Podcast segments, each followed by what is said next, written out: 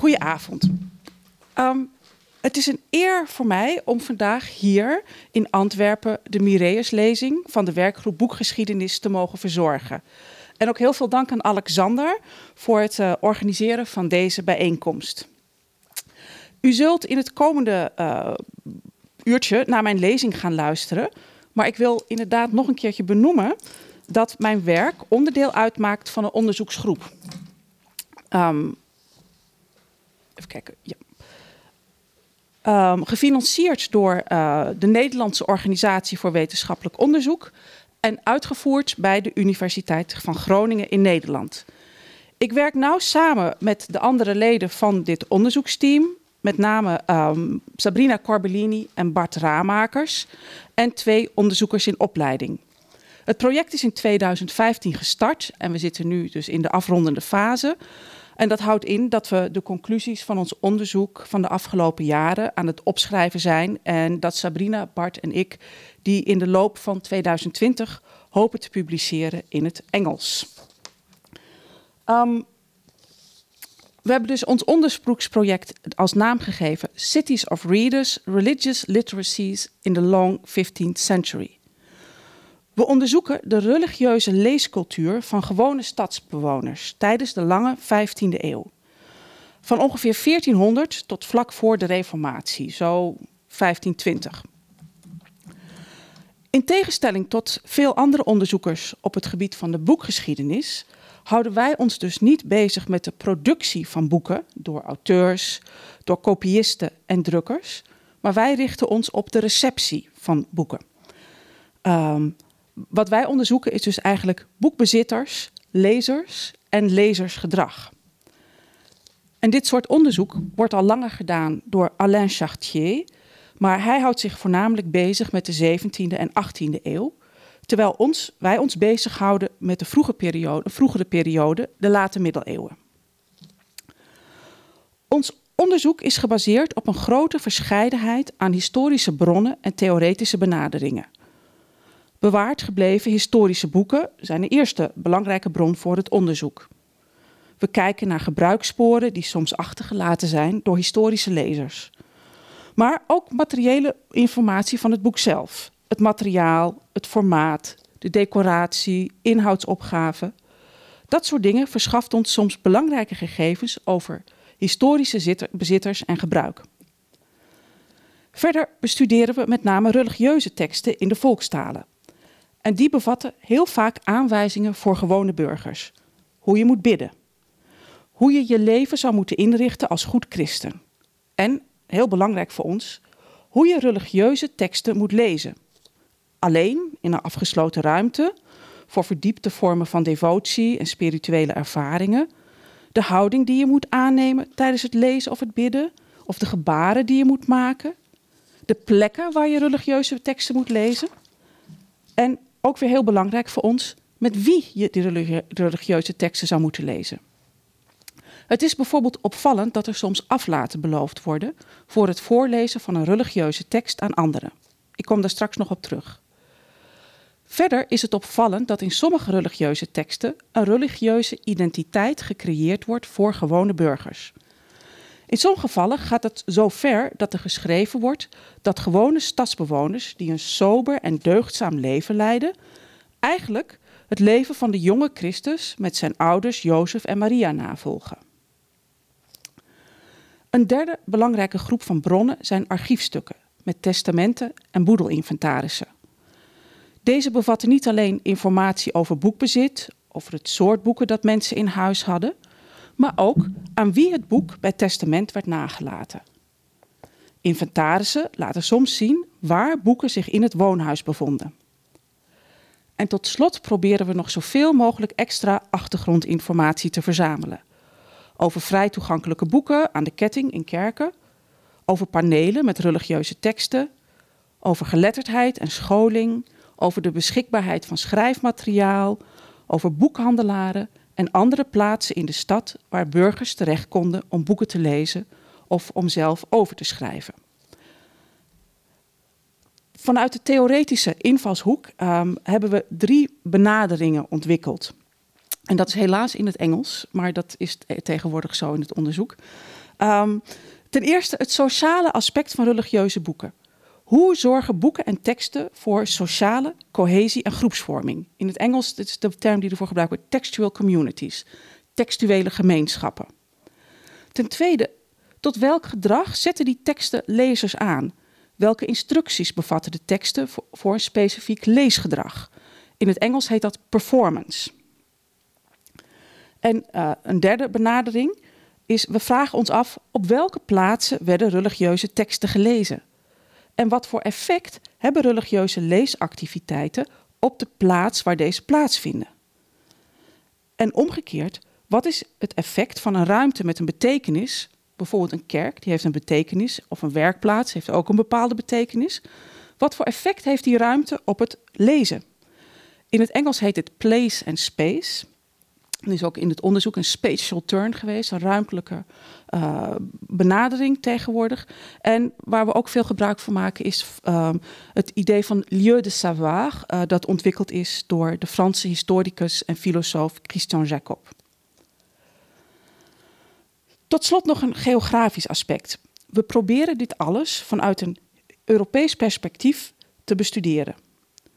En voor het blootleggen van teksten en leesculturen die op Europese schaal gedeeld werden, hebben we drie gebieden geselecteerd. De Nederlanden, in de breedste zin van het woord, van Noord-Holland tot Vlaanderen, maar ook het huidige Oost-Nederland en delen van het Rijnland. En daarnaast het overgangsgebied tussen het Middel-Nederlands en het Frans, tussen Parijs en Antwerpen. En tot slot Noord-Italië. Dat doet Sabrina. Mijn eigen subproject heeft als titel Tussen Parijs en Antwerpen meertalige communities of interpretation of textual communities. Ik ben geïnteresseerd in het overgangsgebied tussen het Middel-Nederlands en het Frans. En voor de duidelijkheid, in de 15e eeuw was er geen taalgrens zoals wij die nu hier in Vlaanderen kennen en in Wallonië. Maar er was eerder een overgangsgebied waarin best veel mensen zowel het Frans als het Middel-Nederlands beheersten. Op verschillende niveaus. Maar in ieder geval vaak voldoende om zich basis verstaanbaar te maken of om een korte tekst te begrijpen. Het is mij niet helemaal gelukt om het hele gebied uh, tussen Parijs en Antwerpen te bestuderen in de afgelopen vier jaar. En daarom heb ik me geconcentreerd op de nu Franse stad Amiens. Ook vanwege de rijkdom aan bronnen die er zijn in deze stad. Met daarnaast ook aandacht voor steden als Doornik, Sint-Omaars, Douai, Parijs en Rouen. Um, nu kom ik zelf uit een behoorlijk fanatiek Calvinistische familie. En zij en heel veel andere Nederlanders hebben op school altijd geleerd dat in de middeleeuwen het gewone volk ongeletterd was. En dat de katholieke kerk het lezen van de Bijbel en theologische teksten streng verbood. Dat zou pas veranderen met de komst van Luther en Calvijn, waardoor de mensen gingen leren lezen om toegang te hebben tot de Bijbel in hun eigen volkstaal. Er zijn de afgelopen jaren een behoorlijk aantal wetenschappelijke publicaties verschenen die laten zien dat leken, gewone mensen, in de 15e eeuw niet alleen konden lezen en schrijven, maar dat ze deze vaardigheden gebruikten om zich op een best diep niveau op de hoogte te stellen van de tekst van de Bijbel, van theologische onderwerpen en dat hun deelname aan het religieuze leven soms een echt grote verdieping kende. En de eerste publicatie die ik hier genoemd heb is in het Duits van Klaus Schreiner over Laienfrömmigkeit. Het is best wel een oude publicatie al, uit 1992. Uh, maar vermoedelijk omdat het in het Duits is, is dit nauwelijks opgepikt in het uh, internationale debat. Maar hij laat voor Duitsland in ieder geval heel mooi zien dat er um, um, subtiele leken waren die veel religieuze kennis hadden, die veel teksten lazen en soms meer wisten van het geloof dan priesters. Um, een andere belangrijke publicatie is door John van Engen. Hij is de grote kenner van de Devotio Moderna. Maar hij heeft ook een prachtig artikel over um, de 15e eeuw geschreven. Hij noemt dat multiple options. En ook daarin laat hij heel mooi zien dat je op verschillende niveaus het, het geloof kon be beleven. En dat er voor gewone mensen, gewone burgers, heel veel mogelijkheden waren om hun geloofsleven textueel te verdiepen. En een andere publicatie die vrij recent uh, verschenen is, is van Caroline Barron. What did medieval London merchants read? En ook zij laat zien dat uh, handelaren in Londen, wat een groot e-, economisch centrum was in de 15e eeuw, dat die handelaren ook veel boeken hadden. Soms voor, met literatuur, maar ook veel religieuze boeken, uh, bijbelse teksten, ondanks allerlei bijbelverboden in Engeland. En wij willen dus bijdragen voor de gebieden waar wij ons mee bezighouden in dit, deze stroom van het onderzoek.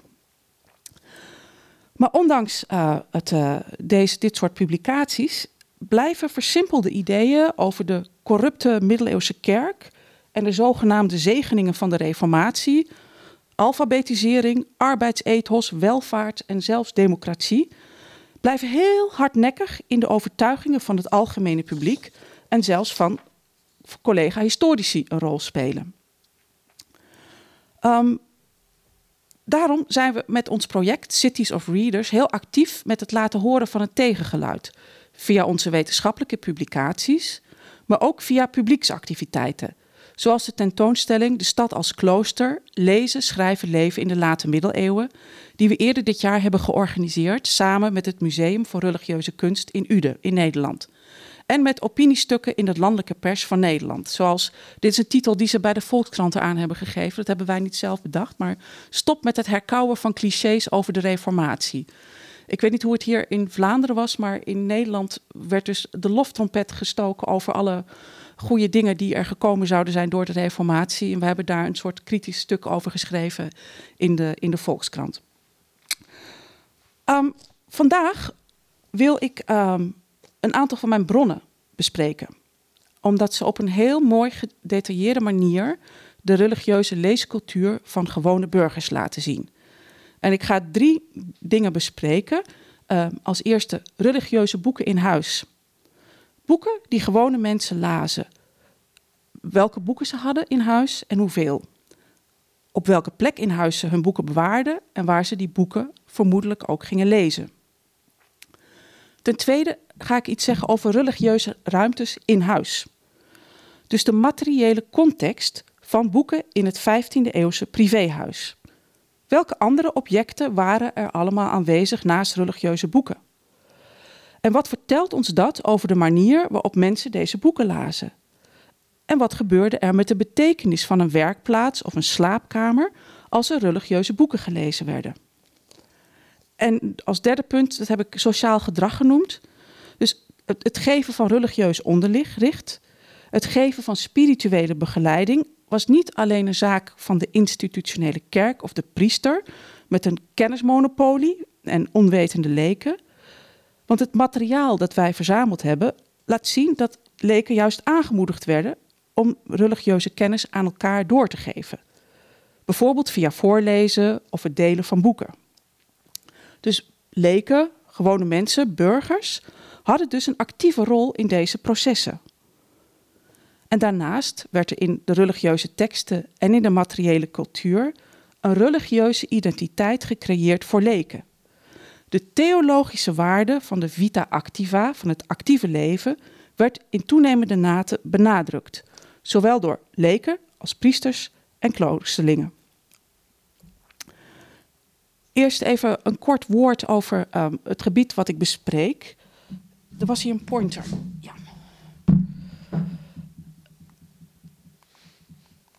Hij moet waarschijnlijk even aangezet worden.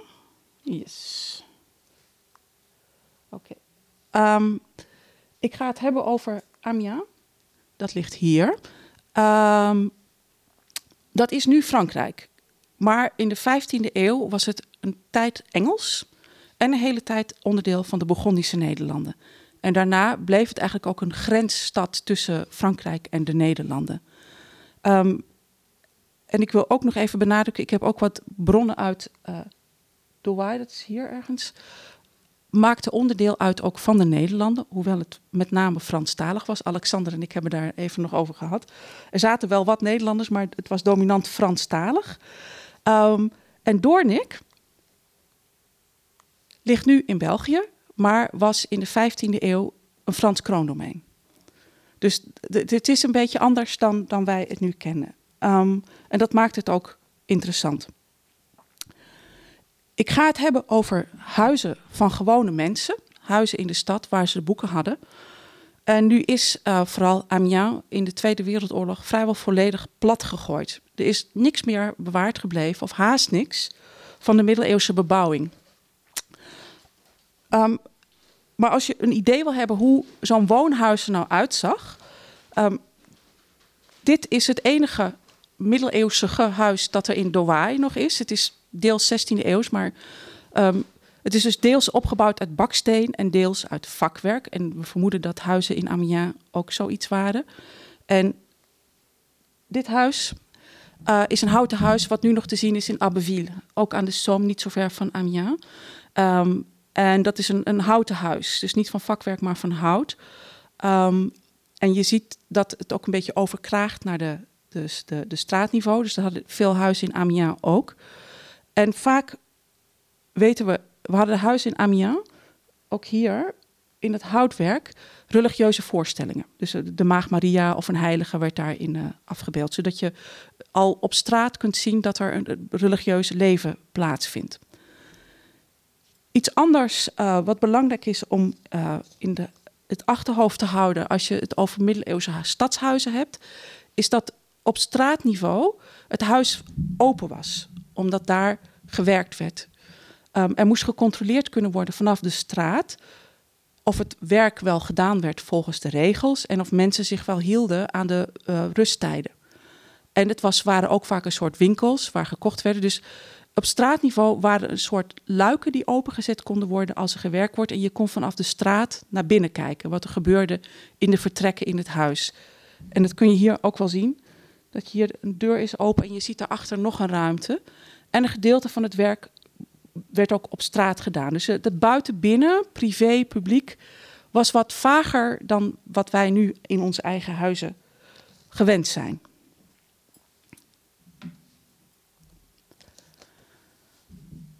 Um, een deel van mijn onderzoek um, heeft bestaan uh, de afgelopen jaren uit het nazoeken van boedelinventarissen uit de Frans, nu Franse stad Amiens. Um, de serie, de eerste inboedelinventarissen uh, dateren uit, in deze serie uit 1503. En ik ben doorgegaan tot 1525, dus vlak voordat de reformatie begint door te dringen in Frankrijk.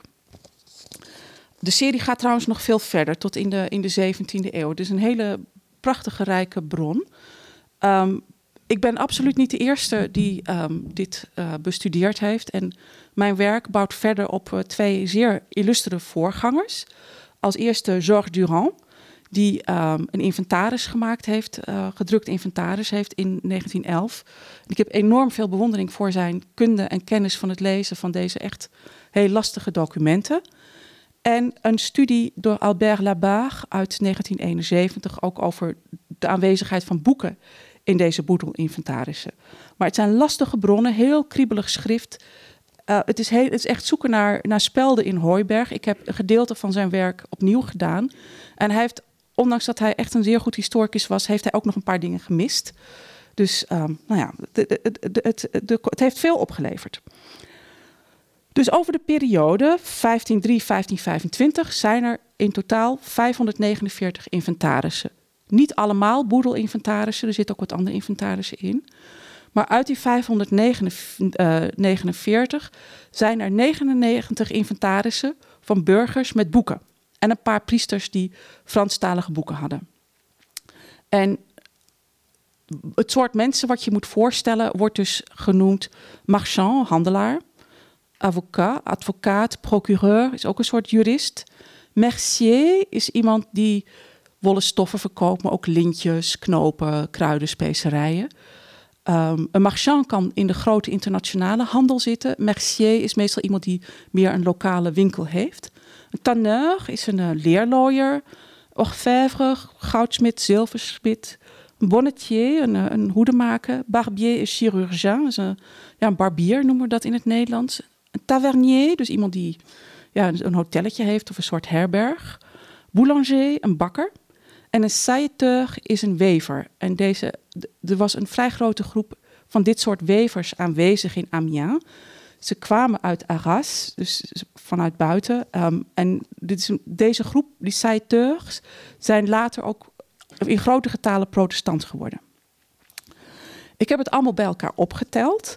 En uh, dus van die 99 burgers. En in totaal zijn dat 453 boeken. Nou is het niet het totale aantal boeken dat aanwezig was in Amiens, maar het zijn alleen het aantal geregistreerde boeken waarvan we zeker weten dat ze in Amiens waren. Van de andere kunnen we alleen zeggen, we weten het niet, we hebben er geen informatie over. Maar toch is dit al een behoorlijk aantal over de vroege 16e eeuw, dat er in zo'n stad toch in ieder geval al 453 boeken waren. Maar het waren er nog meer. Um, als je dan kijkt wat voor soort boeken mensen in huis hadden, was staat op nummer 1 het getijdenboek, 125 getijdenboeken. Verder 48 boeken met ja, catechese, meditatie, devotie, christelijke moraal. 31 boeken met meer literaire, verhalende teksten. Heilige leven 14 boeken. Bijbels, voor, vermoedelijk volledige Bijbels 11. 10 boeken over geschiedenis acht brevieren.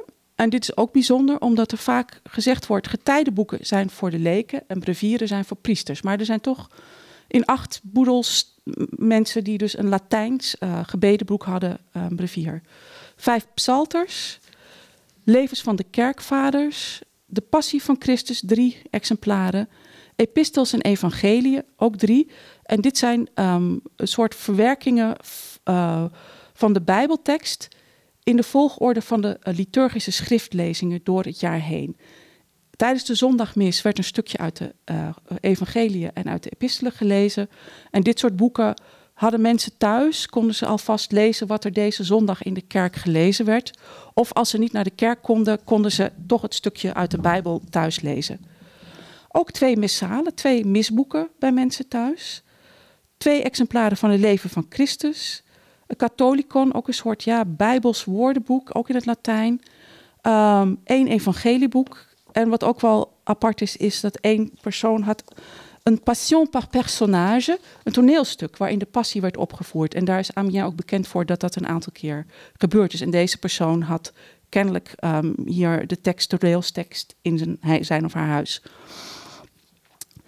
Ik heb een aantal dingen in rood gemarkeerd, omdat de Bijbel vaak in stukjes gelezen werd. Dus als je de psalters, de passieverhalen gebaseerd op de Bijbel, de epistels en evangeliën, levens van Christus en evangelies ook als Bijbel telt, dan blijken zijn er dus 25 Bijbels in ieder geval aanwezig onder de stadsbewoners. Er zitten nog wel een paar haken en ogen aan. Um, dus er waren 22, 42 boeken die niet te identificeren waren of waar geen titel waar gegeven wordt. Dan staat er alleen ja, een boek van perkament en dan weet je verder niks. Uh, en wat ook heel frustrerend is, 18 keer ben ik tegengekomen. Oh ja, nog meer kleine boekjes in het Frans en in het Latijn. Dus ja, daar kun je ook niet zo heel veel mee. Als je weet dat de meeste boeken religieuze boeken zijn, kun je hier ook wel van uitgaan dat het met name religieuze boeken zijn. Maar we weten het niet. En helaas voor, voor jou heb ik dus um, in deze overzichtje niet opgenomen juridische boeken, coutume, boeken met gewoonterecht en boeken over gezondheid. En wat in het kader van um, boekgeschiedenis ook nog wel interessant is om op te merken, is dat een boek is niet altijd een boek. Ik kom ook een aantal keren tegen dat mensen een paneel in huis hadden met een tekst erop. Bijvoorbeeld een houten, de eerste een houten tableau, ja, paneel, uh, waar de tien geboden op staan. Een paneel met de onderwijzingen van Cato erop. Uh, een klein tableau met ja, de Heilige Maagd met een ballade. In Amiens was een broederschap die zich bezighield met religieuze poëzie. Kan ik nou niet op ingaan, maar kennelijk had ook iemand hier een paneeltje met zo'n gedicht thuis. En een tablet, ja, ook een houten tafeltje met het Onze Vader erop. Dus dat is ook wel best bijzonder. Dat, wat wij denken bij lezen altijd aan boeken, maar dat ook tekstpaneeltjes in die leescultuur een rol spelen. Um, dit zijn dus, waren dus bronnen over Amiens. Er is wel iets vergelijkbaars bekend uit uh, andere steden in de buurt. Um, bijvoorbeeld in Doornik, Tournai. Um, daar zijn testamenten uit de 13e eeuw tot ongeveer 1500 bewaard gebleven. En dat heeft Dominique van Wijnsberg allemaal bekeken. Maar daar vind je dus ook een beetje een vergelijkbaar beeld. 95 getijdenboeken, 66 psalters en 40 boeken met devotie, gebeden, dat soort dingen. Dus het is een vergelijkbaar beeld. ik ben ook zelf begonnen met testamenten uh, bestuderen uit Douai. Alleen die zijn niet ehm, in kaart gebracht. Dus het zijn stapels perkamenten, testamenten, duizenden. Het zijn er 2000. Ik, en het is me niet gelukt om in een project van vier jaar alle, al die 2000 testamenten te bekijken. Ik heb wat, ja, wat, wat, wat proefjes gedaan. En wat dat opleverde was uit 1359 een getijdenboek. 1381 het oude boek dat van de kluizenares van de Notre-Dame-kerk was. Le Roman de la Rose en een boek Le Livre du Trésor de la Science. 1400 een psalter en een altaar, wat in, bij het testament werd nagelaten. Op die altaren kom ik zo nog terug. Dan een apotheker die in 1438 al mijn boeken, nou, we weten ook niet wat het is, waarschijnlijk ja, soort plantenboeken, eh, medische boeken. 1448 een boek met de passie van Christus. 1457 een psalter. Le Roman de Marque. Twee getijdenboeken. En in 1522 nog een keer getijdenboek. Dus dit, dit zijn een paar voorbeelden. Maar u ziet dat wat ik gevonden heb voor Amiens wel correspondeert met wat je ongeveer wat je in andere steden vindt. Dus het is niet echt heel erg een uitzondering. Alleen hebben we deze bijzondere bronnen voor uh, Amiens. Um, als voorbeeld wat je bij iemand thuis kan vinden. Um, dit is een, een van de wat grotere collecties van een mevrouw die heet Isabeau Avrier. Ze was getrouwd met Robert de Louvancourt. Ze is overleden in 1503 in het Hôtel de la Rose. En uit andere bronnen weet ik dat dat Hôtel de la Rose stond tegenover de beroemde kathedraal van Amiens. En het was een herberg. Um, waar mensen dus uh, sliepen en konden eten. Dat zie je ook aan de boedelinventaris, dat in een bepaald vertrek zijn 25 kussentjes om op te zitten. Dus dat was kennelijk een soort eetzaal. Um, ze hadden boven uh, op de eerste verdieping in een kamer um, alle boeken bij elkaar liggen. Uh, een gedrukte Bijbel in het Frans, Gouden Legende, Mandeviels Reizen, een kruidenboek, een manuscript met Le Chastel Périeux. dat is een, ja, een religieus boek waarin je ook allerlei aanwijzingen krijgt over hoe je moet uh, leven. Um, een boek op perkament, La Couronne, kan ik niet identificeren. Guillaume de Digulville, Pèlerin de la vie humaine. Dat is ook een religieus boek waarin je als het leven als een soort pelgrimstocht wordt voorgesteld. Fabels in het Frans, een ander handschrift, beginnend met Dieu qui a fait toutes choses. Kan ik niet identificeren. Het, het, lijkt me, het komt ergens uit de brieven van Paulus. Ook weer die exposities over evangelie, e-, evangelielezingen uit de kerk in het Frans. Dan zegt het inventaris een manuscript in het Latijn, getiteld Les Dix Moraux des Philosophes. Dat is een Franse tekst, dus ik, misschien is dit een vergissing. Jean Machino's Lunette des Princes, ook een soort moraliserend werk. Uh, Le Roman de Mélusine, Mélusine-roman is weer meer literair, verhalend. Dan een boek over uh, Maria, Le Compost de la Grande Marie. En nog een aantal andere kleine boekjes. Ik vermoed, uh, hoewel ik het niet helemaal hard kan maken, um, dat uh, Isabeau en haar echtgenoot, omdat ze een herberg hadden, deze boeken ook af en toe deelden met hun bezoekers. Ik weet uit andere teksten dat mensen wel aangemoedigd werden om die boeken te delen. Maar uh, goed, Isabeau uh, uh, en haar man waren redelijk niet echt heel erg rijk, maar ook niet arm. Dit is een ander voorbeeld. Een leerlooier, overleden in 1517, in de Rue des Tanneurs, dus waar alle leerlooiers zaten, aan een nogal vies watertje dat het L'eau de Merderon heette.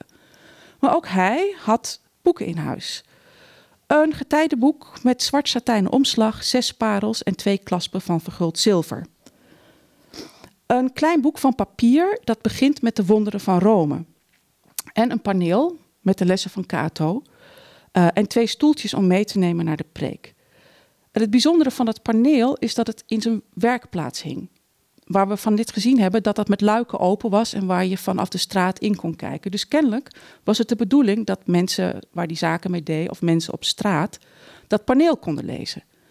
En die twee kleine stoeltjes om mee te nemen naar de preek zijn ook bijzonder. Um, we vinden ze namelijk ook in boedelinventarissen in Deventer. En door Nederlandse onderzoekers werden ze gelinkt aan de, moderne devotie, waar ook veel gepreekt wordt. En hier zie je een voorbeeld van hoe dat soort stoeltjes eruit zien. Ik vind ze best veel in Amiens. en het is ook wel bijzonder om je af te vragen van oh, wat wij in Nederland zoiets zien als een voorloper van de reformatie. Wat bijzonder dat ze in, in Amiens ook van die stoeltjes in huis hadden. We zullen er nog wel meer tegenkomen. Um, even nog iets over die getijdenboeken. Uh, we denken daar vaak aan als boeken met gebeden. Alleen. Um, maar um, er zat vaak ook ander materiaal in. op deze bladzijde, dit is een gedrukt getijdenboek voor de stad Amiens. Er zat een stuk uit het Latijnse evangelie van Johannes in. Maar er zaten ook verhalen over de mirakels van Maria zaten erin. En het bijzondere van deze drukjes, dus hier, dit is echt heel erg vaak gedrukt, um, is hier in de marge um, zitten stukjes uit het Oude Testament. Dit is het verhaal van Jozef met zijn mooie gekleurde mantel. Met Franse uitleggen bij. Dus ook al is een getijdenboek met name in het Latijn, er zitten Franse dingen in en ook Bijbelverhalen in. Dus het, het is meer een soort klein bibliotheekje, een uh, getijdenboek, dan dat het alleen maar gebeden in het Latijn zijn. Ik heb natuurlijk geprobeerd ook om boeken uit Amiens, die ik ken uit de inventarissen, terug te vinden in het echt. Helaas is dat niet gelukt. Er is enorm veel verloren voor Amiens.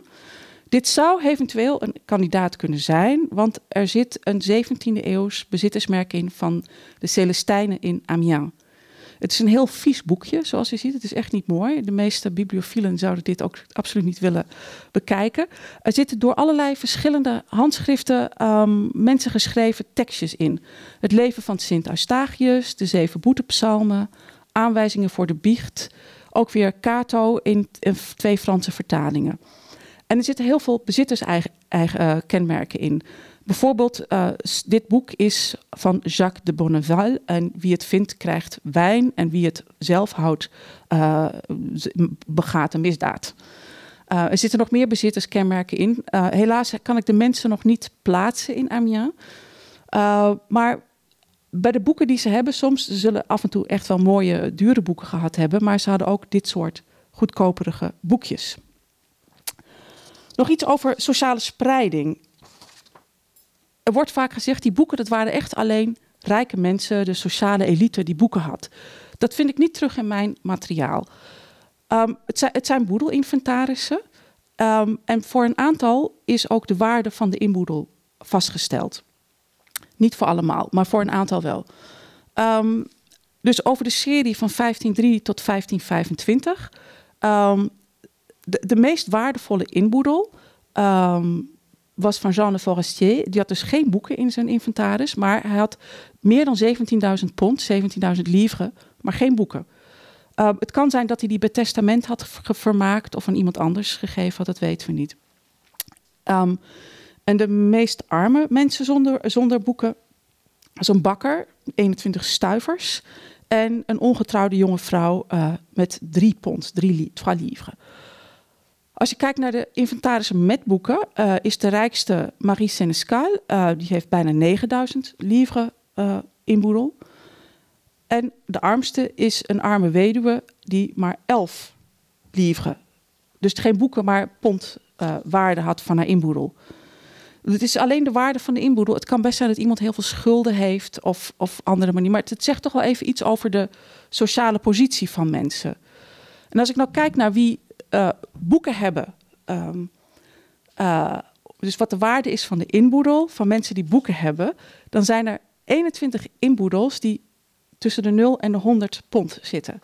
En dat is meteen ook de grootste groep. Ik denk ook dat het de grootste groep inwoners was van Amiens.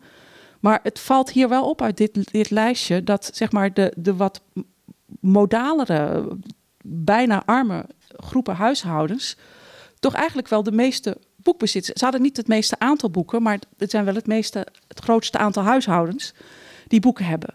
En dat bij de heel rijke huishoudens eigenlijk die getallen wat lager zijn. Nogmaals, het kan zijn dat ze hun boeken vermaakt hebben bij testament aan iemand anders gedoneerd hebben. Maar het, zegt wel, het stelt wel ons beeld bij over boeken was alleen maar iets voor heel erg rijke mensen. Want je ziet dat boeken ook doordringen um, in de wat armere huishoudens. Um, Iets over de plaats van boeken in huis. Um, dit is een handelaar in stoffen. Um, en je loopt met zo'n inventaris eigenlijk door het huis heen. Um, dit inventaris begint boven in een kamer, uh, waar een buffetkast is met allemaal waardevolle spullen erin. Het bijzondere is dat er drie pond geraspte suiker ook in die buffetkast zat. En suiker was heel waardevol en moest ook vanuit ver uh, het Midden-Oosten aangevoerd worden over de Middellandse Zee. En 1517 is eigenlijk heel vroeg dat dit ook aanwezig is bij gewoon iemand. Hij was niet heel arm hoor, maar nou, ook niet echt de heel erg hoge elite. Hij had wat borden en bekers van verguld zilver en ook 12.000 spelden. In hetzelfde vertrek een grote eikenhouten kist, zilverwerk, lappen stof, linnen hennep. Pierre de Coin, hij was een stoffenhandelaar. Uh, het is niet altijd goed uit te maken of het stof is voor eigen gebruik of voor verkoop. Maar er zaten ook um, bundeltjes met gesponnen draad, vlas, linnen erbij. Dus het, het is waarschijnlijk ook deels handelsvoorraad. In, nog steeds in hetzelfde vertrek een bank met twee bergruimtes, ook weer stof, linnen, hennep, katoen en een klein boekje met een perkamenten omslag genaamd Le Livre de Bonne Ook zo'n religieus, didactisch werkje. En verder in deze ruimte een tafel en bedden. Dus je ziet ook dat werken, leven, lezen, wonen, dat loopt allemaal door elkaar heen. Het inventaris gaat verder beneden. Um, daar is, beneden is ook zeg maar op straatniveau is de werkplaats. Uh, en daar is allemaal stoffen. Blauwe stof, bruine stof, violette stof. Het gaat ellenlang door. Die werkplaats komt uit op een kleiner ruimtetje. Het is een open ruimte. Het loopt in elkaar over. Daar zijn ook weer bedden, een tafel, stoelen. Ook weer vier stoeltjes om naar de preek te gaan. Heel veel kasten en een bank gevuld met wollen stof. Ik vermoed ook nog steeds handelsvoorraad. En daar twee grote boeken, genaamd Vita Christi, geïllustreerd, gedrukt en met een rood leren boekband. Het bijzondere is dat net zoals die meneer die die Kato-panelen in zijn werkplaats had, was hier ook, het is niet helemaal de werkplaats, maar het is wel een ruimte die er echt duidelijk mee in verbinding staat, waar handelsvoorraad aanwezig is, dat hier zo'n groot leven van Christus in het Frans aanwezig was. Dus kennelijk was werken en uh, lezen met elkaar verbonden. Een ander voorbeeld, een wat armere uh, persoon, is een uh, weduwe, Jeanne Le Boursier. Ik denk dat ze een soort pottenbakster was of dat ze aardewerk verkocht. Want ze had behoorlijk veel beschilderd aardewerk um, in haar uh, huis aanwezig. En het bijzondere is dat waar, waar die Pierre verschillende vertrekken in zijn huis had en een werkplaats, was dat deze Jeanne alles in één ruimte deed. Dus meubels, kookgerei, kledingbedden, alles was in die ruimte. Haar handelsvoorraad. Maar ook deze toch wat vrij arme vrouw, waarvan de inventaris maar 24 livres, 24 pond was, heeft toch een boek, een perkamentige tijdenboek, een boek met een zwartlederen band getiteld De Gulden Legende, uh, bevattende de levens van heiligen vertaald vanuit het Latijn en in het Frans. En ook zij had een soort kunstwerkje in huis, een hoofd van Johannes de Doper van lood. Dat was het belangrijkste reliek uit de kathedraal van Amiens. En daarmee kom ik op een volgend punt, dat ook die privéruimte soms een soort religieuze ruimte kan worden. Heel veel theologische onderzoekers, godsdienstwetenschappers maken gebruik van um, een studie uit de jaren 50 van Mircea Eliade, The Sacred and the Profane. En Eliade maakte heel duidelijk onderscheid tussen heilige en profane ruimtes. Dat zijn voor hem heel verschillende dingen. Um, hij schrijft ook: elke heilige ruimte is een manifestatie van het goddelijke. De binnenkomst van het heilige, die als gevolg geeft dat een gebied losgemaakt wordt uit het omringende milieu en dat het een andere waarde krijgt. Dus voor Eliade en voor heel veel godsdienstwetenschappers hebben heilige ruimtes een speciale afgebakende iets waardoor ze opgelicht worden als het ware en niet meer direct in verbinding staan met de andere, eh, met de profane ruimtes. Maar ik heb het al een beetje gehint. Je ziet hier in deze inventarissen dat het heilige en het werken uh, en het dagelijks leven lopen eigenlijk door elkaar. En dat is ook een nieuwe trend in het onderzoek, uh, in het Engels ook, medieval domestic devotion. Um, Jennifer Kolkopakov-Dean is er een, dus, maar er zijn behoorlijk veel publicaties ook over de Holy Home in Italy, is een groot onderzoeksproject in Cambridge geweest. Maar bijvoorbeeld, zij schrijft: welgestelde families brachten heilige ruimte letterlijk in hun huis, in een materiële vorm van draagbare altaarstukken. Een kleine groep maakte zelfs een persoonlijke kapel in hun huis.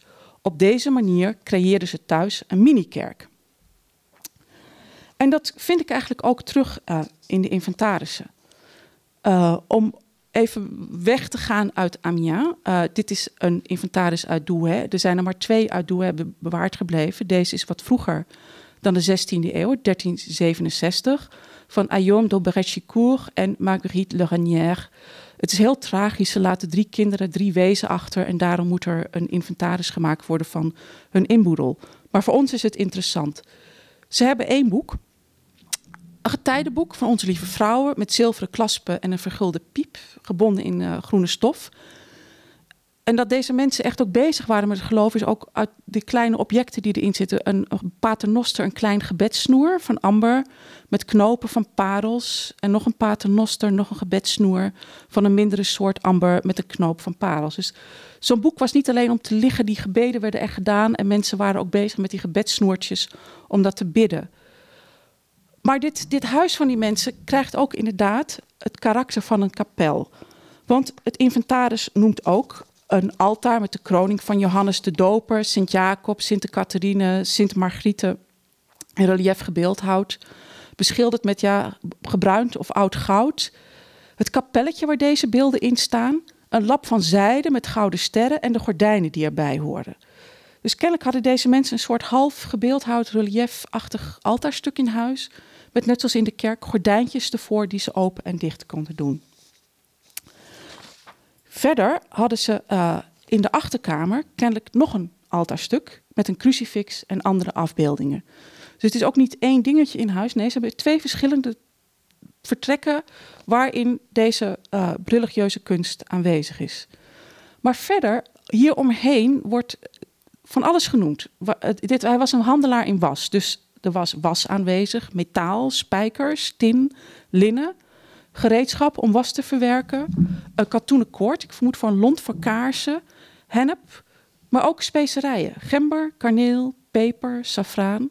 Paradijskorrels kennen wij nu niet meer. Um, het zijn een soort peperachtige korreltjes die uit West-Afrika komen. Nootmuskaat, kruidnagel, peper, anijs, komijn. Um, rijst. Ik heb meer uit Amiens meer van dit soort inventarissen van handelaren die dit soort objecten verkopen. Um, en ik vind het heel opvallend de hoeveelheden specerijen die echt hier, dit is 1367, al zo vroeg in deze gebieden aanwezig zijn. In Nederland denken wij altijd aan onze VOC in de 17e eeuw, dat toen die, die, die specerijenhandel op gang kwam. Um, ik vind het ook belangrijk om te benadrukken hoe internationaal mensen waren in de 14e, 15e eeuw. Hoe ver de handelscontacten waren. We hebben soms nu problemen met de, met de globalisering, maar een nieuw onderzoeksterrein is ook de Global Middle Ages. En je ziet dat dit allemaal bij elkaar in één huis, naast die altaarstukken, gebedenboeken, allemaal aanwezig is. Ik vind het heel bijzonder en het werkt ook echt een ander licht op, op ons verleden, vind ik. Er was ook rijst, um, heb ik ook uitgezocht. Um, dat is waarschijnlijk rijst uit Italië, korte korrelrijst. En Um, had veel contacten met Engeland, dus er waren ook kazen uit Cornwall en Engeland aanwezig. Verder had hij um, nog, uh, ook in het, op, in het kader van de, de schrijfvoorwerpen, een halve riem goed papier, iets minder goed papier, inpakpapier en perkament. En een heleboel pigmenten, vermiljoen, menie, Spaans, wit, groen, zwart. Misschien om de was te kleuren, maar misschien ook als schrijfobjecten, decoratieobjecten voor het papier dat uh, verkocht werd. Maar zo ziet, ziet u dat zo'n inventaris enorm veel informatie geeft over wat mensen hadden en wat ze konden krijgen. Um, ik ga ook nog even terug naar die Pierre de Couin die we eerder zagen, die dus dat leven van Christus tussen de voorraad wollen stoffen had zitten. In het vertrek boven had hij ook uh, religieuze kunst altaarstukken. Een beschilderd paneel met onze lieve vrouwen van Smarten met nog meer personages. Een kandelaar van koper staat voor genoemd schilderij. Een metalen stang en twee andere kleine gordijntjes voor dit schilderij. Um, vier panelen met Sint Christoffel, Veronica, Sint Bernard, Etje Omo. En nog een ander beschilderd paneel met twee deurtjes, ken ik ook een soort altaarstuk, waarop staat afgebeeld Christus aan het kruis. Wat je hier ziet bij, bij Pierre de Couin, en dit is, niet, dit is maar één voorbeeld uit een aantal wat ik zou kunnen noemen, is dat mensen inderdaad bezig zijn met een soort kerkzettingje, een altaar te creëren bij hun thuis. Met gordijntjes die open en dicht gedaan kunnen worden, kaarsen naast schilderijen. Er zijn andere inventarissen waar mensen ook wijwatervaten hebben, uh, miskelken, missalen, uh, altaarstenen, relieken. Er wordt echt een, niet iedereen heeft dat, maar een aantal mensen hebben echt een echte soort mini-kerk bij hun in huis. En het bijzondere is dus dat het gewone dagelijkse leven, de handelswaarde, het loopt allemaal naadloos in elkaar over. En je ziet het ook terug in de beeldende kunst, met name in uh, Annunciaties aan Maria. Um, ze is natuurlijk Joods, dus het altaarstuk hier stelt Mozes voor, maar het is wel het soort een buffetkast, zoals je ook in de inventarissen ziet, met daarop een altaarstukje. Hier aan de muur een doeksken, een geschilderd doekje. En boven haar bed hangt ook nog een soort ja, kruisbeeldje. Um, en het lezen vond dus plaats in dit soort contexten. Thuis. En er wordt een soort kerksetting thuis gecreëerd.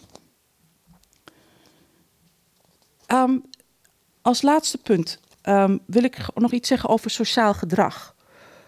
Um, de inventarissen geven daar niet zoveel informatie over, maar teksten worden gedeeld, boeken worden gedeeld en elkaar doorgegeven. En vooral de testamenten uit Doornik geven daar heel interessante informatie over. Ik heb twee korte voorbeelden. Um, Jeanne Gardielle, een weduwe, geeft in 1400, zegt ze, ik geef aan Denisette, een arm kind dat ik gevoed heb, mijn getijdenboek en een klein beschilderd doeksken. Zo'n doeksken als we ook net in op de schilderij zagen. Ook al was je dus arm en kon je niet zelf boeken kopen, gebeurde het dus dat je van een rijke iemand als een soort daad van liefdadigheid een boek kreeg toegewezen. Dus, dus dat is een manier waarop arme mensen aan boeken kunnen komen. En dat arme kind kon kennelijk ook lezen. Wat ook gebeurde is dat mensen boeken gaven aan kerken waar andere mensen naartoe konden gaan om in zo'n kerkbibliotheek een boek te lezen. Dus ook al was je te arm om zelf een boek te hebben, waren er plaatsen in de stad waar je naartoe kon gaan om een boek te lezen. Dit zijn twee leken die aan uh, de Saint-Brice in, uh, in Doornik een gouden legende in het Frans geven en ook weer een leven van Christus in het Frans. Er zijn meer testamenten, zij zeggen het niet zo expliciet erbij, maar in andere testamenten staat er dan ook bij: het moet aan een ketting gelegd worden en iedereen die um, dat wil lezen moet er naartoe kunnen. En dat is iets waar mensen ook toe aangemoedigd werden. Uh, in het Frans heet dat charité spirituelle, uh, de spirituele liefdadigheid. Bijvoorbeeld in uh, Le Doctrinal au Simple Jean uit de late 14e eeuw. De zeer vereerde vader in God, dat is bisschop Guy de Roy van Reims, heeft gegeven en toegekend aan iedereen die gezegend is en die uit dit boek voorleest aan iemand anders 20 dagen aflaat. En ook aan iedereen die luistert naar voorlezen uit dit boek 10 dagen aflaat.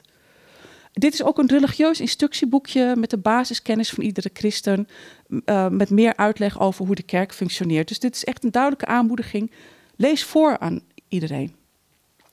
Um, een ander boek, L'Ordinaire des Chrétiens. En dit boek weet ik ook dat een aantal mensen uit Amiens dat echt in huis hadden. Iedereen heeft de verplichting om zijn of haar naaste raad te geven. Om hem of haar te onderwijzen, om ze te vermanen als het nodig is, om zijn of haar fouten te vergeven, om hem of haar troost te geven. Um, dus als we het hebben over religieuze ruimte, wordt die kerk, naast de kerk ontstaan andere religieuze ruimtes. En dat betreft ook de sociale ruimte. Het actieve leven, de vita activa, wordt in theologische waarden in deze teksten ook opgewaardeerd.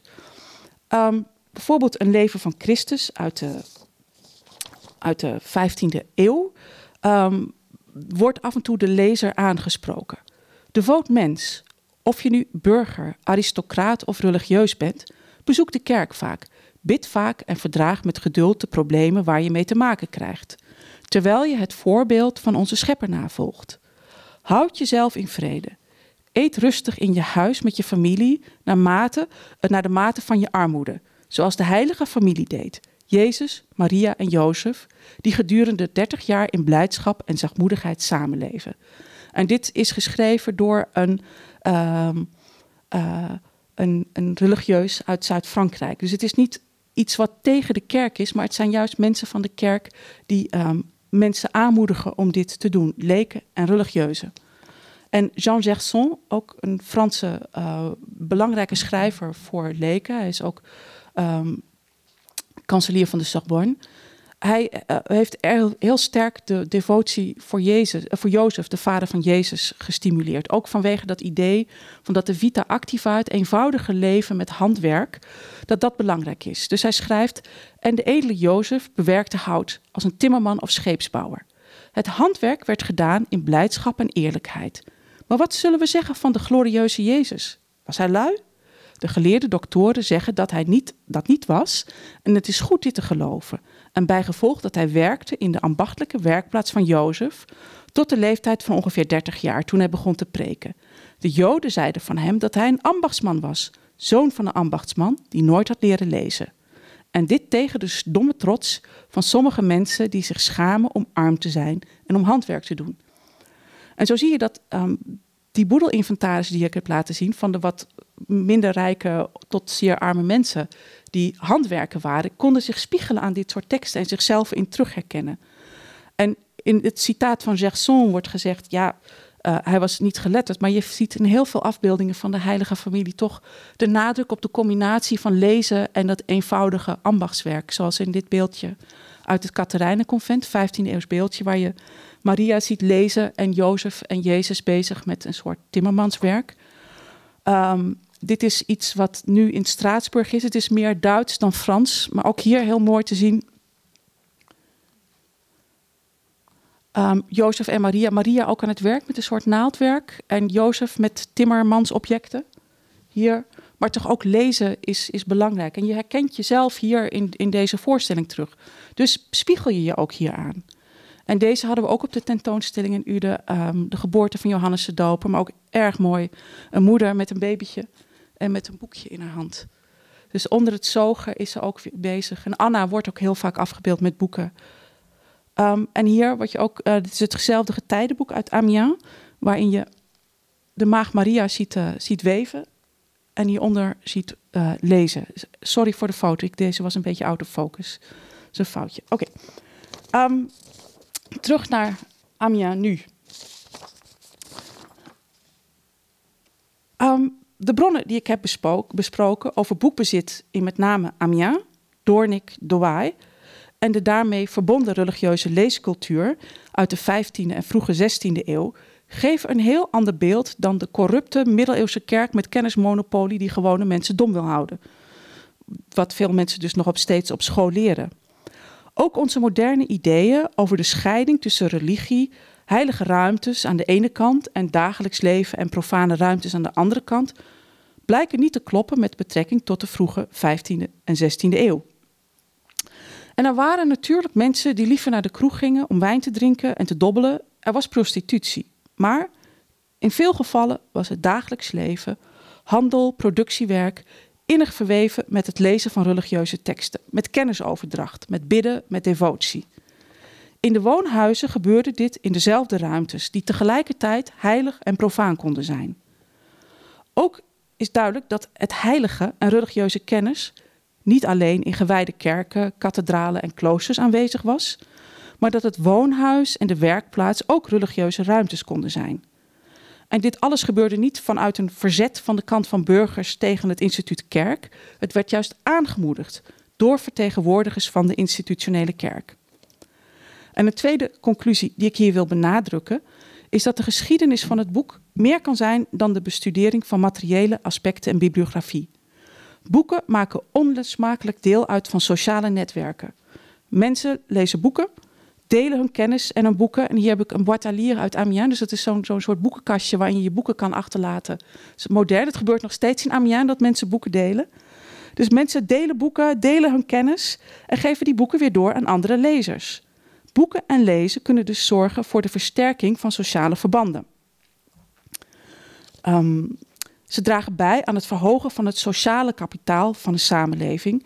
En ze kunnen bijdragen aan het meer duurzaam maken ook van een samenleving. En dit is een recent uh, uh, Nederlandse PDF over de impact van het boek. In Nederland moet het natuurlijk over geld gaan. Wat, wat boeken financieel. Maar wat ik hier belangrijker vind is ook dat dit soort aspecten, hè, burgerschap, werknemerschap, gezondheid, welzijn, sociaal kapitaal, dat dat minstens even belangrijk is van boeken en boeken lezen. Ik dank u wel voor uw aandacht.